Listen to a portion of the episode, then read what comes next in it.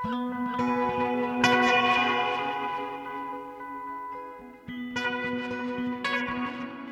og sæl, kærlustendur. Ég heiti Halla Harðardóttir og við Melkorka Ólafsdóttir helsum ykkur úr hljóðstofu Vísjár 5. daginn 22. desember. Það er tónlistarþema í þessum síðasta þætti fyrir jól, tónlistarfréttir á norðan, frá Rúslandi og hérðan úr efstaleitinu. Á hverju ári byður Ríkisútvarpið Íslenskt tónskáld fyrir það hátilega verkefni að semja jólalag Ríkisútarsins. Nýja jólalagið er frumflutt á jóladag en við fáum að taka smá forskott á sæluna hér í Vísjá með forflutningi og viðtali við tónskaldið sem í ár er Páll Ragnar Pálsson.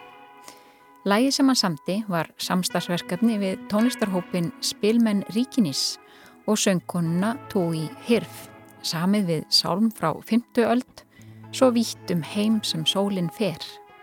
Við fáum Pál Ragnar Pálsson til okkar í hljóðstofu hér í lok þáttar og fáum að heyra þetta fallega lag, Jólalag Ríkisútarsins 2022. Viktoria Baksína flyttur sinn annan pistil um list á stríðstímum.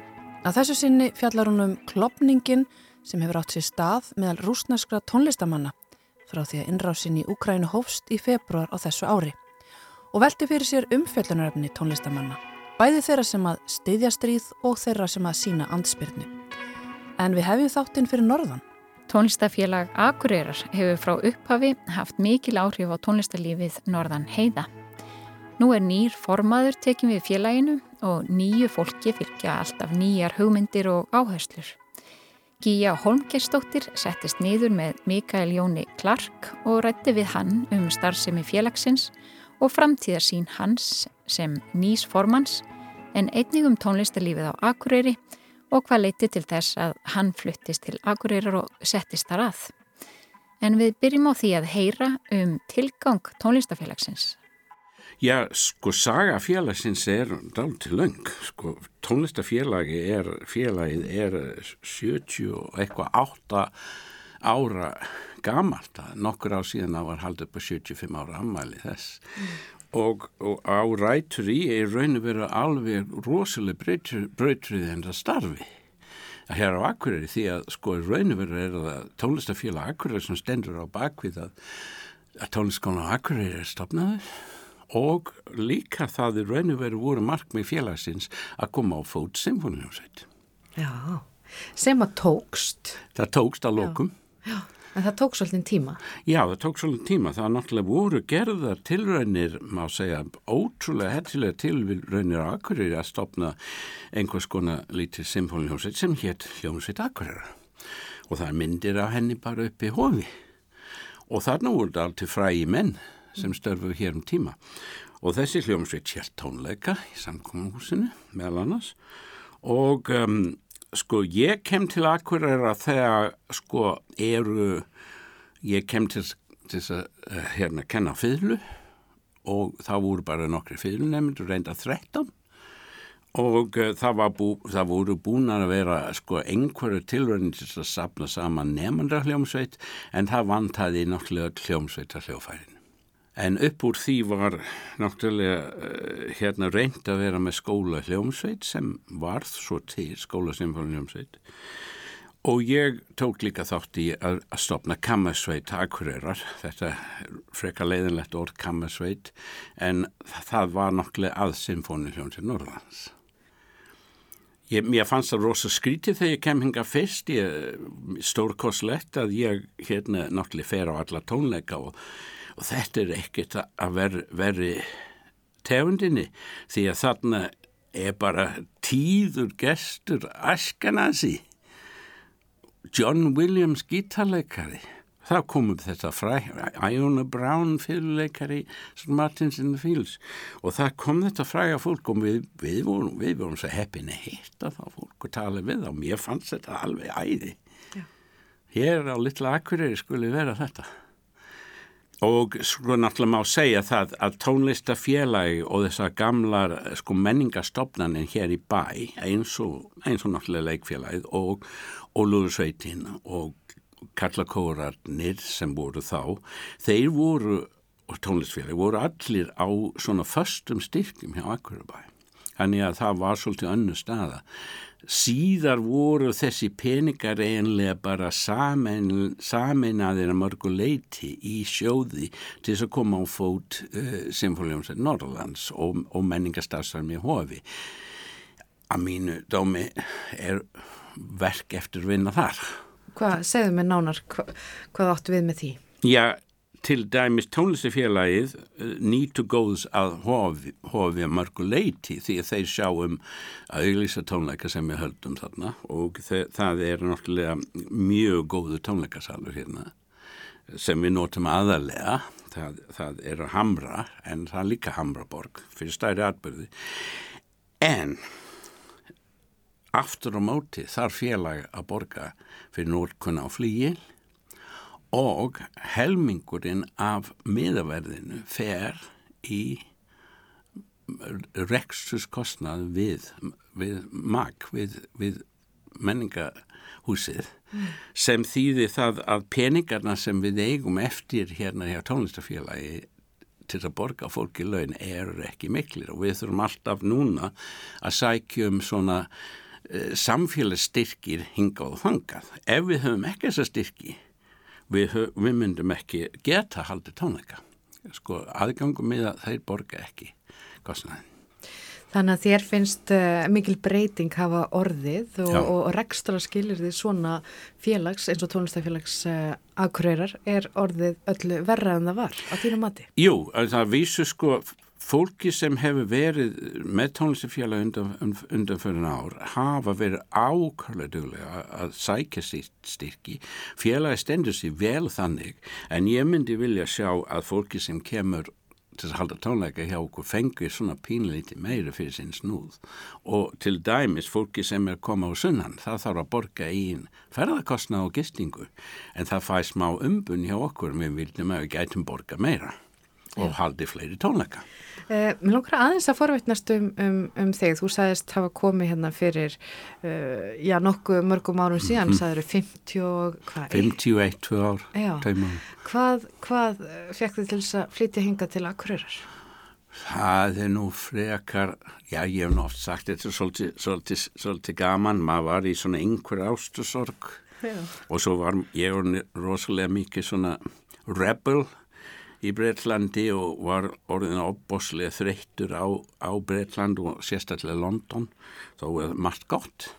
Og með ævintýragjörn fljótfær og svo, svo er einhver einhver stelpa sem ég er búin að deyta hún sér auðlýsingu hérna eftir að við vorum hægt saman og auðlýsingu í tónlskálskólanum upp, upp á vegg og segi bara, er þetta ekki bara gott fyrir því að fara til Norður Íslands og ég veit ekki hvort hún meinti þetta jákvægt en ég svona fór að skoða þetta og að, ah, ég sækjum og hér er ég í dag. Og það var staða fyrlu kennara við tónlistaskólan á Akureyri? Já, fyrlu leikari á Akureyri má segja vegna þess að þá var eina staðan uh, strengjakennara. Og það inn í þessu var líka svona átti spila við jarðafæri og ímislegt annað Eh, hvað varstu gaman þegar þú komst hingað? 22 ára. 22 ára? Það er nú ekki gamalt. Nei, það er sko menn náttúrulega klára svona framhals, framhalsnám miklu fyrr í Breitlandi oftast og, og ég náttúrulega var, ég var búinn með, fram, með framhalsnámið þannig og hafði tekið eitt ár bara að vinna og samt var ekki nefnir 22 ára gamalt en, en menn voru náttúrulega í farið framhalsskóla 17 ára en í háskóla. Mm. Eh, þú varst 22 ára þegar þú komst yngað, eh, ætlaður að vera lengi, eh, svona var þetta tímabundi plan hjá þér, ætlaður svo að fara aftur, aftur til Breitlands, kannski til þess að gera lágasögust út og þú ert hérna en hvað svona fekk til þess að halda Já, áfram að búa hér. Já, fyrsta lagi náttúrulega var allt svo dýrt hérna að ætla að sapna pening sem komast aftur heim en svo náttúrulega var ekki dóður sem peningum en það er bara grín. En svo náttúrulega bara hitt ég eh, sko eh, æðisleiri konu og það hefur blessast heldur betur og við erum ennþá hjón í dag. Þannig að Ástin hefur ekki þið svolítið. Þú varst í Ástasorg í Breitlandi og svo fannstu Ástina á Akureyri. Já. Þannig að ástin hefur verið drivkraftur í þínu lífi? Já, já, og það félagskapurinn við konu, konuna mín og það, þetta er svona alls sérsta samband. Já. Aðeins að tónlistafélaginu, þú ert nýr formaður tónlistafélagsins á Akureyri. Uh, Fyrri formaður var Ástís Arnardóttir, selvoleikari, hér uh, kennari við tónlistaskólan og, og, og selvoleikari við Sinfoníu hljónsveit Norrlands. Um, hún var búin að sitja hvað einn tíu ár uh, og nú ert þú nýttekinn við. Hvað er það svona sem að þig langar til þess að setja Uh, leggja áherslu á? Já, sko, í rauninu verður ekkit sérstaklega frábúröðu því sem sko Ástís hefur gert og gert alveg svakalega gott starf hér á Akureyri og, og sem líka lista með Akureyra og um, það bara halda áfram að berjast fyrir því að félagi fái meir pening, meir artikli og en ég myndi segja fyrst og fremst er kannski að kynna meira ná, ná meira að kynna fyrir ungu fólki sko klassiska tónlist og tónlist almennt.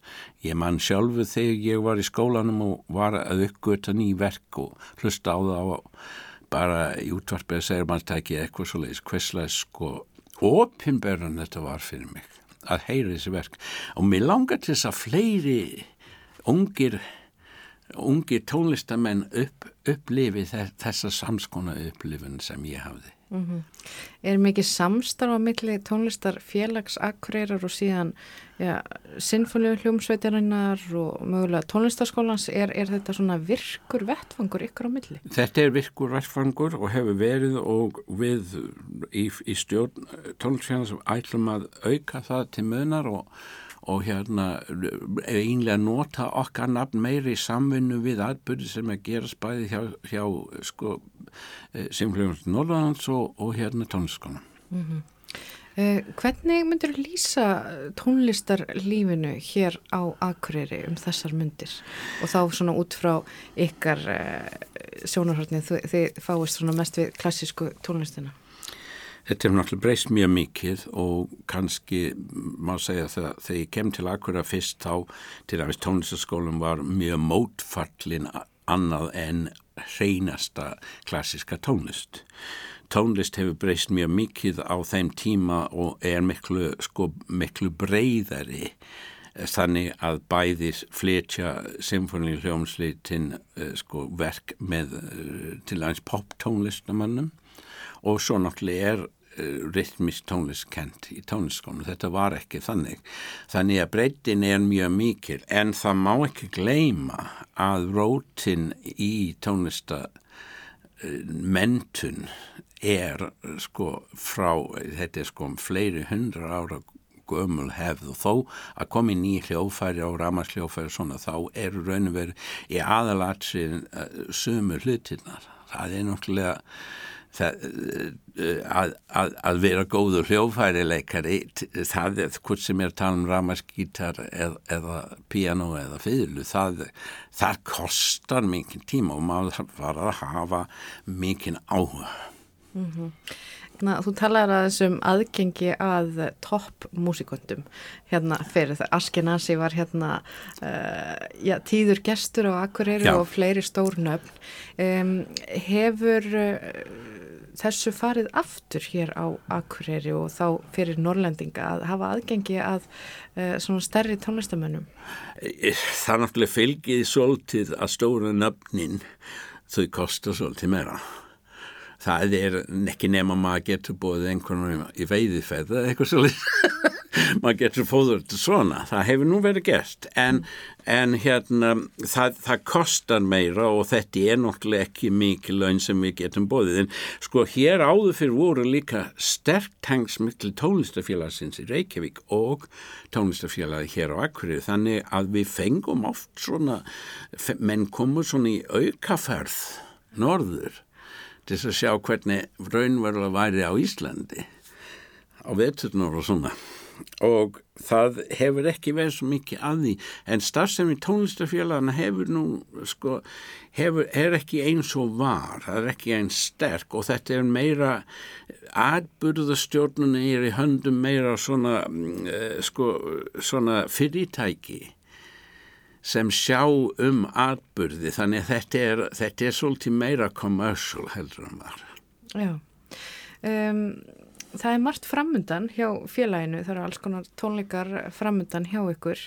Hvað er svona það helsta sem þið ætlið að standa fyrir núna á næstu mánuðum? Já, á næstu mánuðum þá byrjum við á, sko, það er fjóra unga stúrkur sem hafa svolítið tengs við akkurýri en eru unga starfandi unge starfandi tónlistamenn sem verður með tónleiki í, í janúar sem heita Rætur. Og þær er að flytja svona kallað romantíska tónlist. Romantísk, það er hljómand allt skrítið en við svona tölum við mismandi tegundi af tónlist og romantísk tónlist er það sem tilfinningar eru mjög mikið báðið uppborðinu mikla styrkelka breytingar og og, og tilfinningastreimi og þetta heiti Piano Quartet sem er reyndar ekki fjög piano, það er eins gott þegar við eigum ekki fjög piano sem gæti spila saman. Þetta er piano og cello og viola og fylga síðan er uh, Schumann á flautan. Og það er nú alltaf svona skrítið með Schumann að hann sagði að það væri eina sem væri verra en flauta væri tvær flautur og það eru nú flautur sérfrængar sem ætla að sína sjúmann þá eins í löngu dáin fram á að þetta væri bandvillu skoðun og vera með meðal annars eitthvað stykkjum eftir eftir sjúmann á tónlingum. Við erum ekki komið dagsettingu að þetta vera á nýja árið. Síðan er eitthvað sem heitir Jazzical og það er Jazz Quartet og það er tónlist eftir Kurt Weill og George Gershwin. Síðan er uh, hópur klassiska einsöngvara hér á Akkur sem reyndar ég stjórna líka uh, verða með tónleika til heiðus íslensku einsöngslagsins og uh, svona sko ímislegt meira í deglunni uh, það hefur verið talað um og ég vona að það verði úr því að, að fyrirverandi, uh, fyrirverandi undirleikari minn Richard Sims sem er fluttur söður uh, og Sif Túlinius verður með tvær svakalega frægar hérna fyllusónutur og það er Kreutzer sánutan eftir Beethoven og César Frank sánutan Michael Jón Clark formaður tónlistafélagsins hér á Akureyri. Takk fyrir komuna í viðsjó og takk fyrir að segja okkur svona frá því helsta e, í starfum félagsins og líka frá sjálfum þér. Takk að við erum sem leiðis.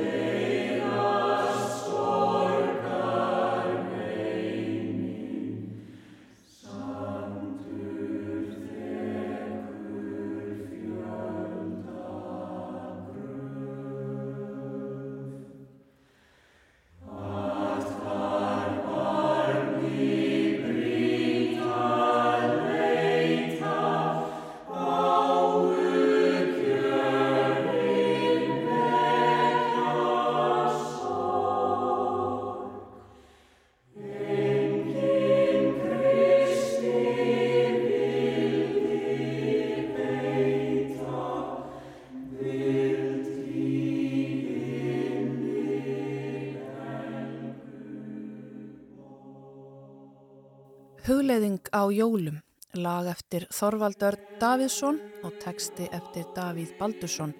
Hér er flutningi himnótíu kammerkórsins á Akureyri. Hér á eftir samtali Gí Holmgeistóttur við Michael Jón Clark, nýjan formann tónlistafélags Akureyrar og meðlim í himnotíukornum. En frá tónlistarlífinu Norðan Heiða förum við yfir í tónlistarlífið í Rúslandi. Viktoria Baksína flyttu sinn annan pistil af þremur um listsköpun á stríðstímum. Lög er á löðræð ánall tímans. Þau endur spekla öll tímamóð í sög landsins, sársauka og gleiði þjóðurinnar. Hlutverð lagsins fyrir sóviska menniseitni heimstyröld var einstakt. Tónskald er lög um allt sem gerðist, lögn sem íljuðum manni um hjartarasturnar, gulluðu á afreg. Lög stríksins snerust um ættjarðar ást, um vínáttu, um ást. Lögn þessi veittu stuðninga á erfiðum tímum, huggun, þau voru eins nöynsilegt fyrir mann og loftið með þeim vart manns hjartað ekki þrótið. Þegar við minnumst þess erfiða tímabils, þessi heitjudaga, heyrum við alltaf fyrst og fremst melóðu heilaða stríts. Við þurfum ekki einu síni að syngja það, það er alltaf í hjörtum okkar, það er samviska okkar, eins og margir segja. Ef dónskaldið Aleksandr Aleksandrov samti aðeins þetta eina lag í öllu sínu langa skapandi lífi og þá myndi hann að eilugu vera í míningu rúsnesku þjóðurinnar. Heilaga stríð er byggt á textanum eftir Vasil Lebedev Kumach og lagið var sami á fymta degi föðurlandstríðsins mikla og var flugt í Moskú á Belarúski hjártbröytarstöðinni fyrir framann hermennina sem fóra á viglínuna. Sér myndið Mitri Shostakovich klára Symfóniu nr. 7 sem fekk viðurnefni Leningrad þar sem hún var hafinn í hernumdu Leningrad. Þessi symfónia var samstundist tákn anstöðu við fasisma og allræði og svo fætust Díma nótt og fleiri lög. Hermennirni sungu þau í skotgröfunum eða hlustuðu á óttalösu söngvara eins og Klavdija Sjúlzhenko, Lubov Orlova eða Lídija Ruslanova sem fórum fremstu viglínur og efldu baróttu vilja hermana. Sumir segja án þessara laga hefði föðurlandstriðs mikla sovjetmanna verið tapað. Svo veldur maður því fyrir sér þar sem núverandi stríð er ekki varnar heldur árásarstríð og hvað geitur ús að vera að syngja núna. Það hefði verið auðmögulegt að ræða hvert einasta lag sem rúsneskir tónlistamær hafa samið gegn eða fyrir stríð því ætla ég að einbeita mér að þremur lögum samin af tónlistarmönum stjórnaranstöðunar og einu lagi samið og styrkt af stuðningsmönum stríðsins í Ukrænu. Þrátt fyrir politíska herrferð gegn þeim sem eru ósamalega ríkistefnu eru rúsar að fína leiðir til að segja sína skóðum Margir rúsneskumælandi tólnistarmenn snúa sér að líkingum og laglínum til að tjá afstöðu sína gegn stríðinu. Kljómsveit frá Sankti Petersburg, Shirt Paris, hefur ekki talað beinleinis gegn stríðinu í Úkrænu. Hins vegar, á tónleikum sínum og í myndböndum hefur hljómsveitin alltaf byrst sem stríðsanstæðingur.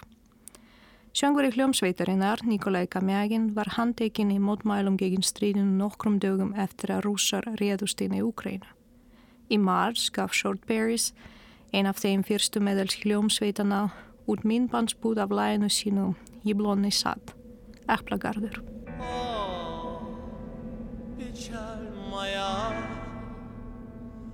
Здесь я не был не предел края, кто видел, и чья теперь ты чья. О, печаль моя, здесь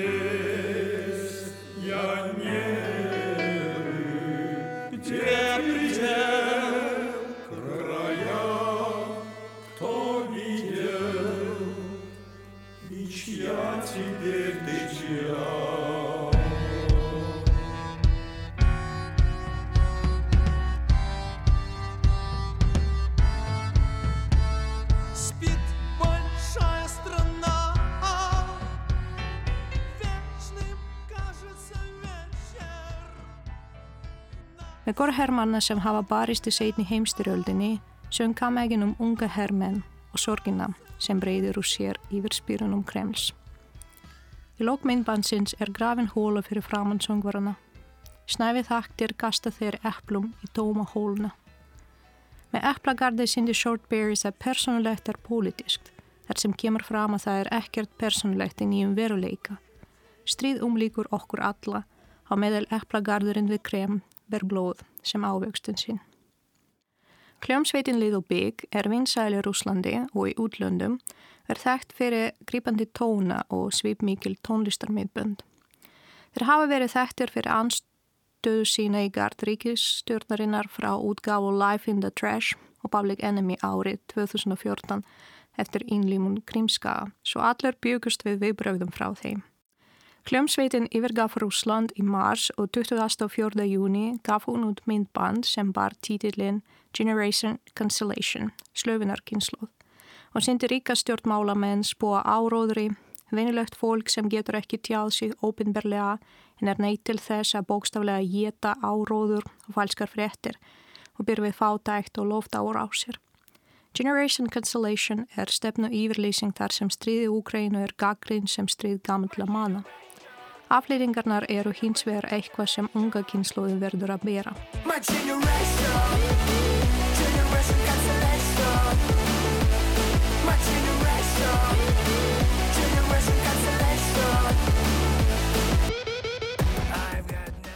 Myndbandið endar á hínu drungalegu sín um að snúa aftur til steinaldar, taknuð af Adam og Evu eftir kjarnorkustrið. Lýst sem skákmúti þar sem tveir gamlir menn tepla. Þeir koma fram við herrmenn sína eins og skákir sem áfornað vild. Stór Evrópuferð sem heitir Voices of Peace var skiplókt af Ivan Alexeev sem spilar undir nafninu Noise MC og Lísu Girdimova, þekkta sem Manetachka. Fundatsið Sjepomaga sem sapnar máðar aðstóð fyrir ukrainska flótamenn fekk ágóðan af tónleikum þeirra. Ég var sjá af einum af gorgerðar tónleikunum Deldi Noise MC nýju lagi sem heitir Ásvæs. Ásvæs er auðkennis skjörteinið sem var gefið út til borgar ásvæðum sem nazistar hernumdu í setni heimstyröldinni. Í nýja lagi sínu endur tekur Noise MC. Не обеляй себя, ты тоже виноват. В твоем ásvæsi multivísa вечный ад. Ekkit kvítvoð þig, þú ert líka segur. Ásvæstin er dývega brefsáriðum til helvitis. Þetta lag er ágaflega personlegt en samt algild og sameinar marga rúsa. Það er vonlaus yfirlýsingum sektarkend og vannmáttar til fingu.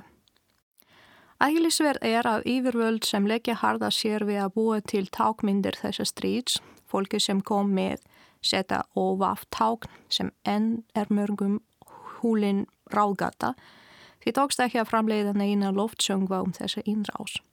Hins vegar á degi þjóðarsameiningar sem er fagnadur 4. november gaf þanga til óþektur söngveri Shaman út myndband við lagið Stanim, stundum upp, á samt mörgum frægum söngverum sem fagnaði heitjum föðurlandstrísins mikla og hermunum sem taka þátt í stríðnu í Ukrænu. Síðan flutti hann eini sólulagið Jaruski, ég er rúsneskur. Teksti þessa lags er augröndi vegna þess að þar er rúsnesk þjóðurni yfir hinn þjóðurni hafið, til dæmis í línunni Jarúski, ég mnir bæðið sló. Ég er rúsneskur og því er ég heppin. Það er að segja höfundurinn telur áheppilega til heyra öðru þjóðurni. Jarúski!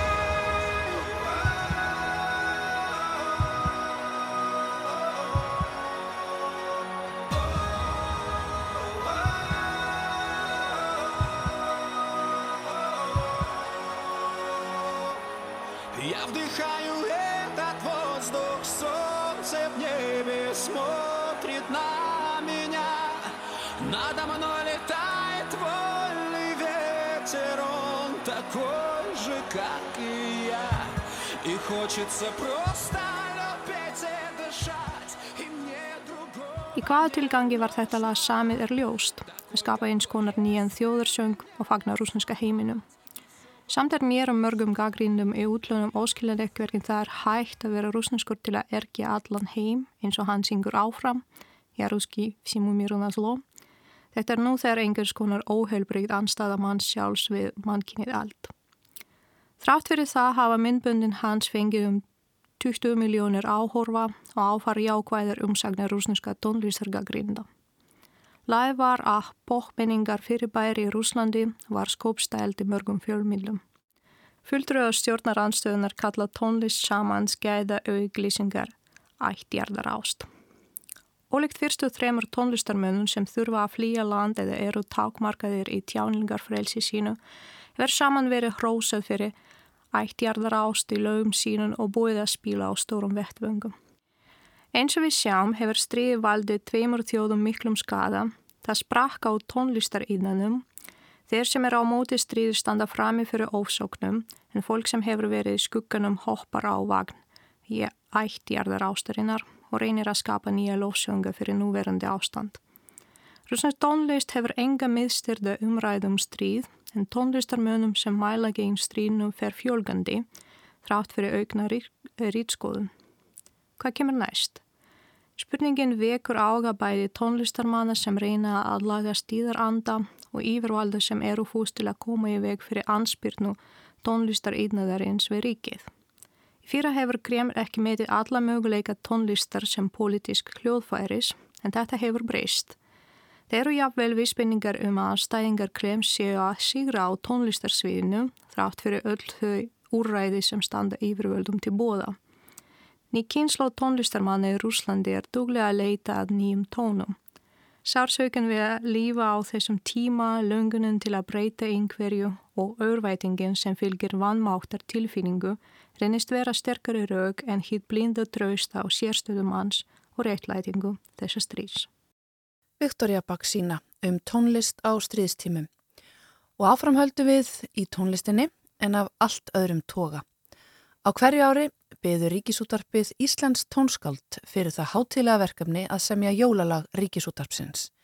Nýja jólalagið er frumflutt á jóladag en við fáum að taka smá fórskót á sæluna hér í Vísjá í dag Höfundurinn er sestur hjá okkur í löðstofu. Pál Ragnar Pálsson, svo vítt um heim sem sólinn fer. Hvernig kom þessi sálmur til þín? Það voru Örn Magnússon og Marta Haldustóttir sem færði mér þennan sálm. Það var bara þegar að verkefnið var að fara í gang og ég var ekki byrjað að leita að sálmi. Þá er ég bara í samtali við þau og mér minnir að, að Marta hafi nú bara svona, ég er að tala í síman við, við Örn og að, að hann segir, já, herðu, Marta var að nefna hérna, hann kom upp í hugan, þessi, þessi fallegi texti. Og það var þetta salmur sem að Örn hefur stúdirað mikið og kunni nokkur neginn utan og, og bendi mér á hann og ég bara fór og fann hann á netinu og las hann og, og fannst hann indislegur og ákvaði bara að nota hann. Mér, ég líka svona, mér finnst bara gott að vinna þannig að sko þegar að, eins og þarna þau, þau komu með hugmyndina og þá grípum maður hugmyndina. Mm -hmm. og þá er hún bara rétt. Já, þetta er mikið stemningsfólk líka þau kunna skapa stemningu þessi fjölskylda. Maður hlustar á það. En þessi sálmur, hann er já, allavega þessi hluti hans fjallar um Marju mei og fæðingu Jésúbassins svona jólaguðspjalli í raunni. En þetta er elgamall sálmur. Hann er mjög líklega frá hvað, 50 öld? Jú, það er talið að hans er frá 50 öld og egnaður Coelius uh, Sedulius. Hann heitir semst á, á latínu Asolis Ortus Cardine. Svo kemur þetta hingað í fyrstu salmabók Guðbrands á hólum 1589 mm -hmm. og það er ekki alveg vita hver þýtti. Nei.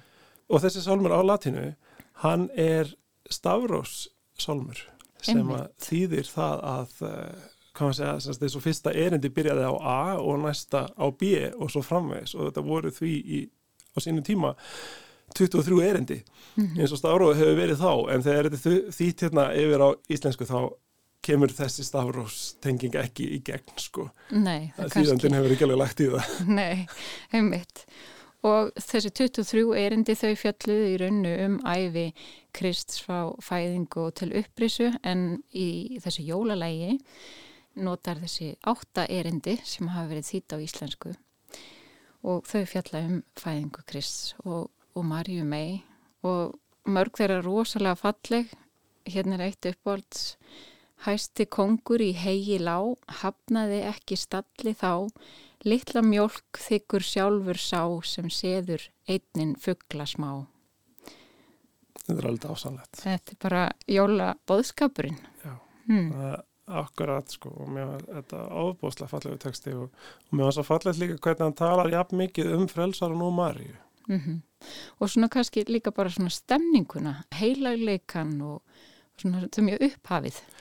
Já, og mér fannst svo fallegt sko upphafslínurnar Mm. að við byrjum eins og bara út í út í geim eða það er bara sólinn sem að skín yfir álfurnar sko en maður fær ekki bara endilega jörðina upp í hugan heldur bara pláneturnar og sólinnar og þetta er einhvern veginn rosalega fallegt að byrja þarna upp í himinn kvolfinu Mm. Sannlega.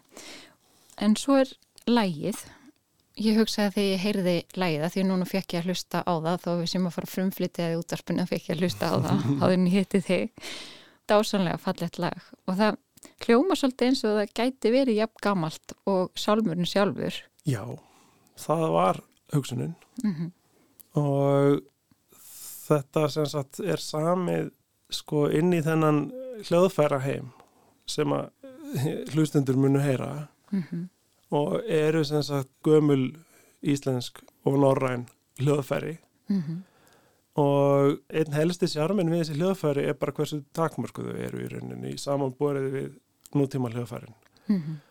Þannig að það er mjög skýrt að það, þú ert alltaf bara vinnandi út frá grunntóni og, það er bara þannig sem við byrjum rauninni bara að gera tónlist í upphafi að það er ekkur, við, við byrjum bara á ekkurum grunntóni og svo bara og syngjum við upp frá honum og reynum að tegjum, okkur upp til, eh, til Guðs og, og svo sígur melodían aftur niður. Tónlistin byrjar ekkur niður þarna og þannig að þessi hljóðfæri eru bara þau setja mér ramma þegar ég segja þetta Mhm. og þá framkallar þessi rammi þetta sound Þennan þennan, þennan hljóm já. og mér langaði bara til að fara alla leið þangað inn sko.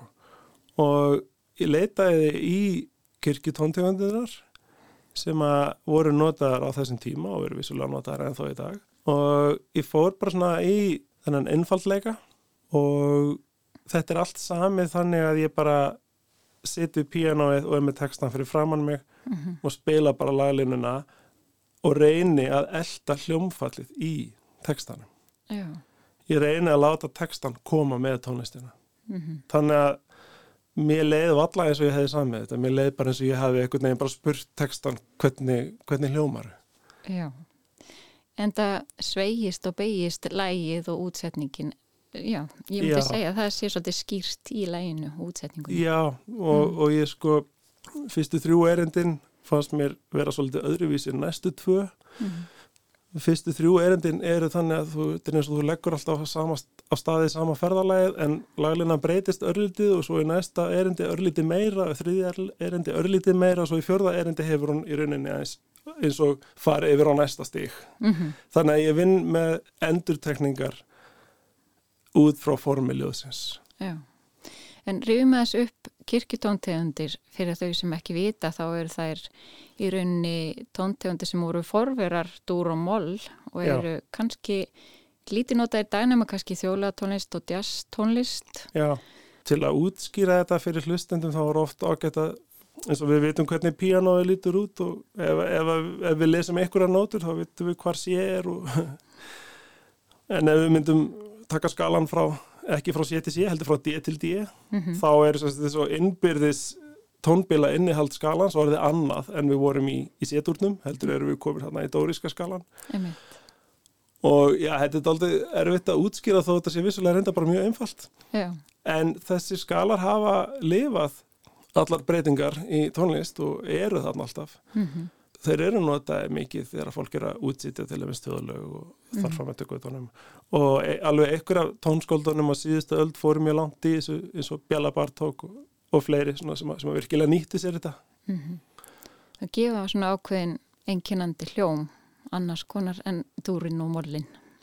Og svo er það hljóðfærin sem gefa þessu þennan einkennandi lit. Þú ert með hópa af hljóðfærleikurum og söngkonu sem flytja lægið sem við heyrum hérna eftir. Mm Og þetta eru gömul íslensk hljóðfæri eins og talar um langspil og Þetta eru langspil, þetta er lítið orgel sem að er bara já, stærðu skjálatösku eða svo líka Já. við og er svona talið líkast í hvernig geti hafa verið hérna á öldum áður Mm -hmm. Við erum með keltneska hörpu og við erum með symfón sem er, já, er það kannski að sama stundu kalla lírukassi. Já, eitthvað skilt, það hljóma svolítið skilt allavega. Hljóma svolítið skilt, ég þókala fullir að þetta sé að sama en þetta er sér satt Mm -hmm. eins og hljómkassi, það er að segja bara kassi, Mhm. með strengjuminni og svo er handfang sem er snúið í ringi Mhm. og handfangið snýr þannig eins og einhvers konar hjóli sem að strykst upp í strengina og skapar þannig þennan liggjandi tón. Já, það kannski veit ekki margir að orgelið per se er elsta hljómbórsljófæri sem er til og elstu hljófærin eru frá þriðju öld fyrir Krist. Þannig að orgelið er mjög gammal hljófæri og alveg vel mögulegt að það hefur verið til hérna. Það er, það er alveg allavega möguleiki það að það hafi verið hérna eða allavega vitneskja um það af því að við ferðumst nú Mm og öflugum okkur einhverja þekkingar. Já, en segjum mér aðeins meira frá þessum hóp. Það þekkja nú sömur spilmenn ríkinis og þarna eru hljófærleikarar úr þeim hóp. Já, Spilmenn Ríkinís er mikil uppáhalds hljómsveit okkar túi á heimilinu.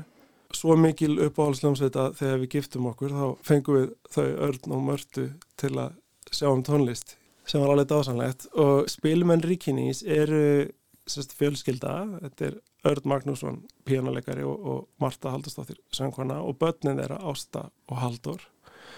Þau eru hljómsveitin. Uh, þessi sinni var Marta ekki með okkur en í, við fengum inn í staðin Gunnar Haraldsson sem er vinur þeirra og okkar, þess að hann læriði tónsmíðar hjá mér og þannig að hann er fjölskyldu vinur á báðum stöðum og þannig að þau voru sérstaklega fjögur með hljóðfæri og svo syngur Túi Túi sem er konan mín, best að taka það fram já, þetta er svona eins og tvekja fjölskyldna verkefni Mm Og það kannski fangar einhverja hátíðastemningu líka, þessi notalega fjölskyldustemning. Já, algjörlega. Það var bara, þannig sérlega indislegt verkefni að vinna. Mm. Þetta er unnið þannig að ég er sem sagt eins og ég lísti ég var heima að skrifa við píanóið og Túi söng alltaf yfir fyrir mig og kom oft með ábendingar um kannski hvernig væri hægt að láta atkvæði aðeins raðast á einn eða annan veg. Mm. Ég skrifaði þetta rauninni niður bara eins og tónlist var skrifið niður hérna á þe þessum tíma. Ég skrifaði þetta niður bara eins og, segja, útlínur melodíunar bara án allra taktbóða Mm. álíka. Let einhvern veginn tungumálið í textanum, algjörlega hljómfallið í textanum, ráða og auðvitað síðan líka gerist það í ferlinu, sko, að við finnum hvernig þetta á að flæða. Mm. sem sagt, þú í söngi yfir og, og ég gerði stundum einhverjar breytingar út, út frá hennar ábendingum og það sneri langmest að hljómfalli hvernig bara textin flætti á sem eðlilegast hann hátt. Og svo vorum við bara að þegar ég var búin að semja þrjú erundi þá hérna gerðum við bara upptöku og sendum á þau og svo þegar komið fimm erindi þá kom nýju upptaka. Þannig að við vorum svolítið að, að hérna svona vinna þetta svona fyrst þannig. Og svo þegar þetta var allt komið, öll átta erindin þá fórum við að hittast saman með hljóðfæri. Og þau sko þrátt fyrir að vera öll þræl mentað tónlistafólk þá vildu þau ekki vinna þetta eftir nótum. Mm. þau töluðu um að já, það sem þau gera sem spilmenn Ríkinis það er sé aldrei gert eftir nótum heldur af því að bara tónlistin hún einhvern veginn, þetta er bara ekki nótnótónlist Nei. þannig Einmitt. og þegar þau voru svona búin að kynnast svolítið laglínunni þá lá formverk sem frekar skýrt fyrir bara Mm. Þannig að þetta lag í rauninni orðið til úr tekstanum og samverunni. já, og, og sálmennum og hljóðfæranum af því að þau gefa svo opáslega sko, þau setja svo sterkan svip Mhm. og, og, og þau marka mér alveg ramman Einmitt. ég gætt, maður getur hreift sig örlítið á milli tóntegunda, þannig að ég fer á milli, það eru, eru þrjár tóntegundir, kirkju tóntegundir þarna Mhm. og, og vissulega enda á dúr skalanum fræga af því að mér fannst það svo viðegandi fögnuðurinn. Já, einmitt.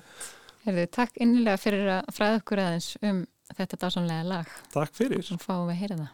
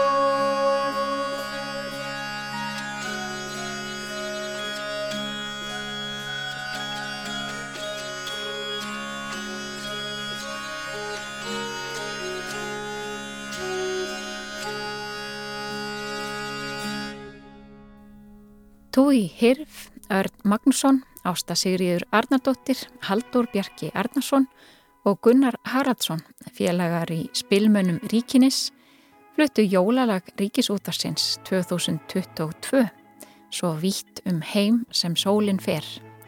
Þetta var sérstakur forflutningur fyrir hlustendur Víðsjár, en jólalagið verður formlega frumflutt hér á rás 1 á jóladag. Og á þessum hátilegu nótum hveði við ykkur kærlustendur.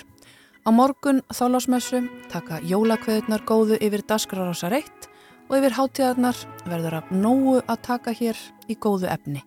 Við sjá mætir aftur til leiks millir jóla og nýjárs. Takk fyrir í dag og gleðileg jól. Gleðileg jól!